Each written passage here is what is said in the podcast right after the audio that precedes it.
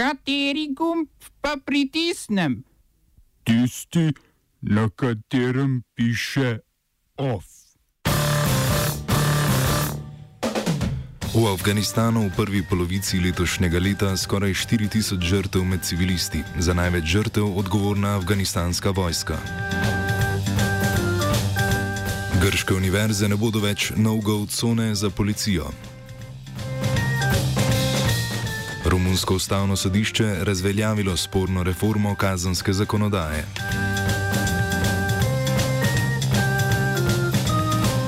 Začenjamo v Afganistanu. Predstavniki talibanov so demantirali navedbe tamkajšnje vlade, da se bodo v naslednjih dveh dneh v Evropi začela tako imenovana medafganistanska pogajanja o miru in delitvi moči v državi. Talibani so se do sedaj srečevali zgolj z ameriškimi predstavniki, pogajanja z vlado pa zavračajo, dokler se iz države ne omakne ameriška vojska.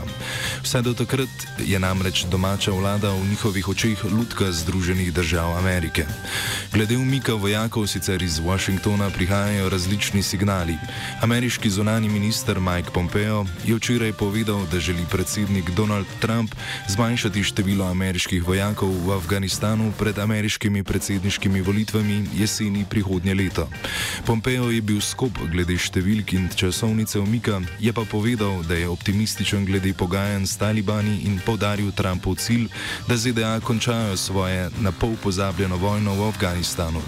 Predstavniki Afganistana afganistanske vlade v odzivu niso skrivali nezadovoljstva, da ZDA prilagajajo politiko svojim volitvam, pri čemer je v Afganistanu že v polnem teku kampanja za tamkajšnje predsedniške volitve, ki bodo potekale čez dva meseca.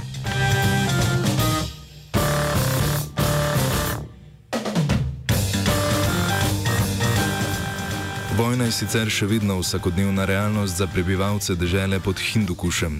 V nedeljo se je zgodil bombni napad na pisarno predvolilne kampanje podpredsedniškega kandidata afganistanskega predsednika Asrafa Ganja, v katerem je bilo ubitih 20 ljudi.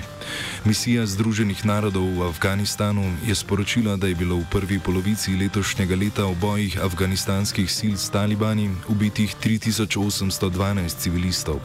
Poročilo odgovornost za smrt 700. 17 civilistov pripisuje vladnim silam.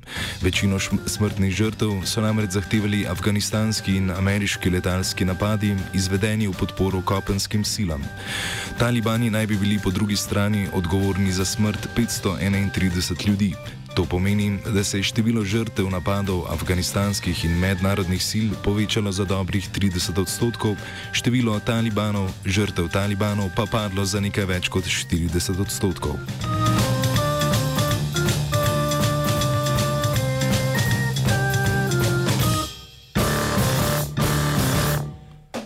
Selimo se v sosednji Pakistan, ki ga bo septembra obiskala indijska teniška reprezentanca.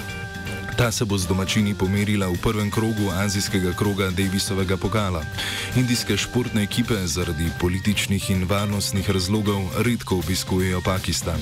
Medsebojne tekme v kriketu, najbolj priljubljenem športu v obeh državah, so suspendirane že več kot deset let. Teniški ekipi sta se na zadnje pomerili pred 13 leti, indijski tenisači pa so Pakistan na zadnje obiskali leta 1964. Z oči v oči z nevarnostjo pa se ne boji soočiti niti indijski premijer Narendra Modi, ki se je pridružil angliškemu TV voditelju in bivšemu specialcu Beru Grillsu na džungelski avanturi. Oddaja Mož proti divjini z Modijem bo televizijsko premiero doživela 12. augusta.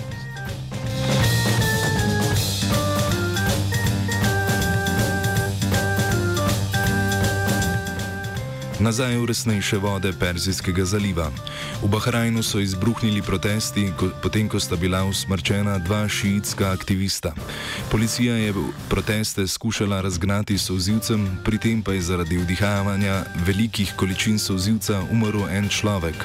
Obsodba in usmrtitev Alija Al-Araba in Ahmeda Al-Malalija je v Bahrajnu sprožila največje proteste v zadnjih dveh letih. Sodni proces pa, pa so kot nepravičen obsodile tudi številne mednarodne humanitarne organizacije. Šiti predstavljajo večino prebivalstva, medtem ko je kraljeva družina in posledično širša vladajoča elita sunitska.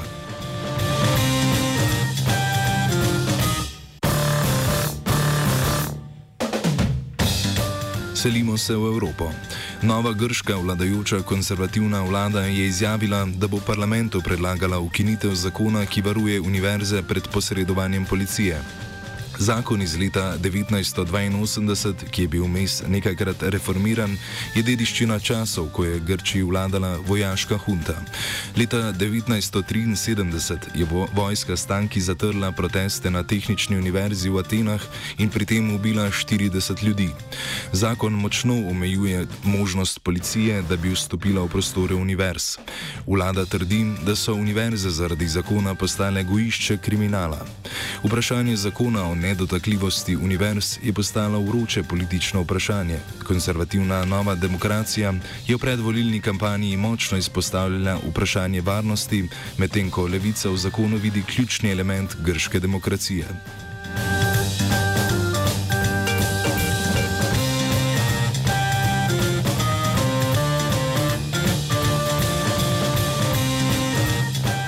Nadaljujemo nekoliko severneje. Romunsko ustavno sodišče je razveljavilo spremembe kazanskega zakonika, ki jih je predlagala vlada pod vodstvom socialdemokratske stranke.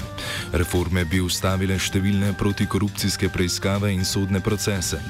Težave s slednjimi ima več vidnih članov vladajoče stranke, med drugim predsednik stranke Livijo Dragneja.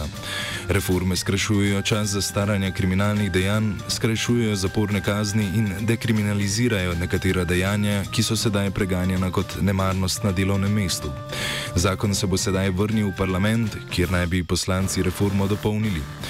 Ustavno sodišče je sicer reformo kazanskega zakonika zavrnilo že drugič, prvič je to storilo lani. Vlada se sicer sooča s številnimi kritikami zaradi ravnanja ob umoru dveh deklet, zaradi česar so konec prejšnjega tedna že potekali protesti.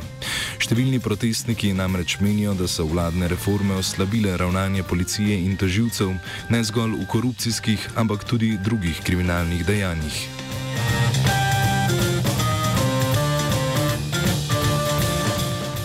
Nadaljujemo pohod na sever. Nemško vrhovno sodišče je ugotovilo, da Evropska centralna banka ne krši nemške ustave ali evropskih sporazumov pri svojem nadzoru najpomembnejših evropskih bank. Prav tako je zakonsko zeleno luč dobil sklad za financiranje finančnih institucij v težavah. V zadnjem desetletju je želela Evropska centralna banka močno ukrepiti svoje delovanje, da bi zaščitila evropski bančni sistem in pomagala pri reševanju evropske dolžniške krize. Pri tem je začela posegati po novih finančnih in administrativnih orodjih, ki so iz, izvali omejitve močno omejenega mandata banke. Nemško ustavno sodišče je bilo najbolj aktivno pri odločanju o tem, kateri izmed novih ukrepov imajo zadostno zakonsko podlago in s tem postalo de facto odločevalec o tem, katera dejanja Evropske centralne so zakonita in katera ne. Oba, če bom odgovoril na angliški. Slovenija bo poskušala pomagati. Slovenija bo naredila svoj utmost, da bo rekla, da je situacija naš problem, sami. In bomo naredili nadaljnje korake, as soon as the conditions are. Bomo vlado Marjana Cererera Šarca podprli. Very, very serious. News from Slovenia. We know how and we will. Ministrstvo za obrambo bo zaradi obremenitev, ki jih povzroča delovanje slovenske vojske na osrednjem vadišču Poček, strelišču Bač in letališču Cerklje ob Krki, sofinanciralo investicije v lokalno javno infrastrukturo. Vlada bo občinam Pivka, Ilirska Bistrica in Brežice namenila 1,7 milijona evrov. S temi občinami ima Ministrstvo za obrambo že sedaj sklenjene dogovore o sofinanciranju posoda posodabljanja lokalne infrastrukture. Občini Pivka se tako obeta 300 tisoč evrov evrov za obnovitev ceste za Gorje Bač, Ilirska Bistrica pa bo prav toliko dobila za obnovitev vodovoda. Še malo več bodo za obnovo cest dobile Brežice.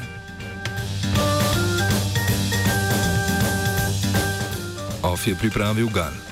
Poslušate Radio Student 89,3 MHz UKV stereo.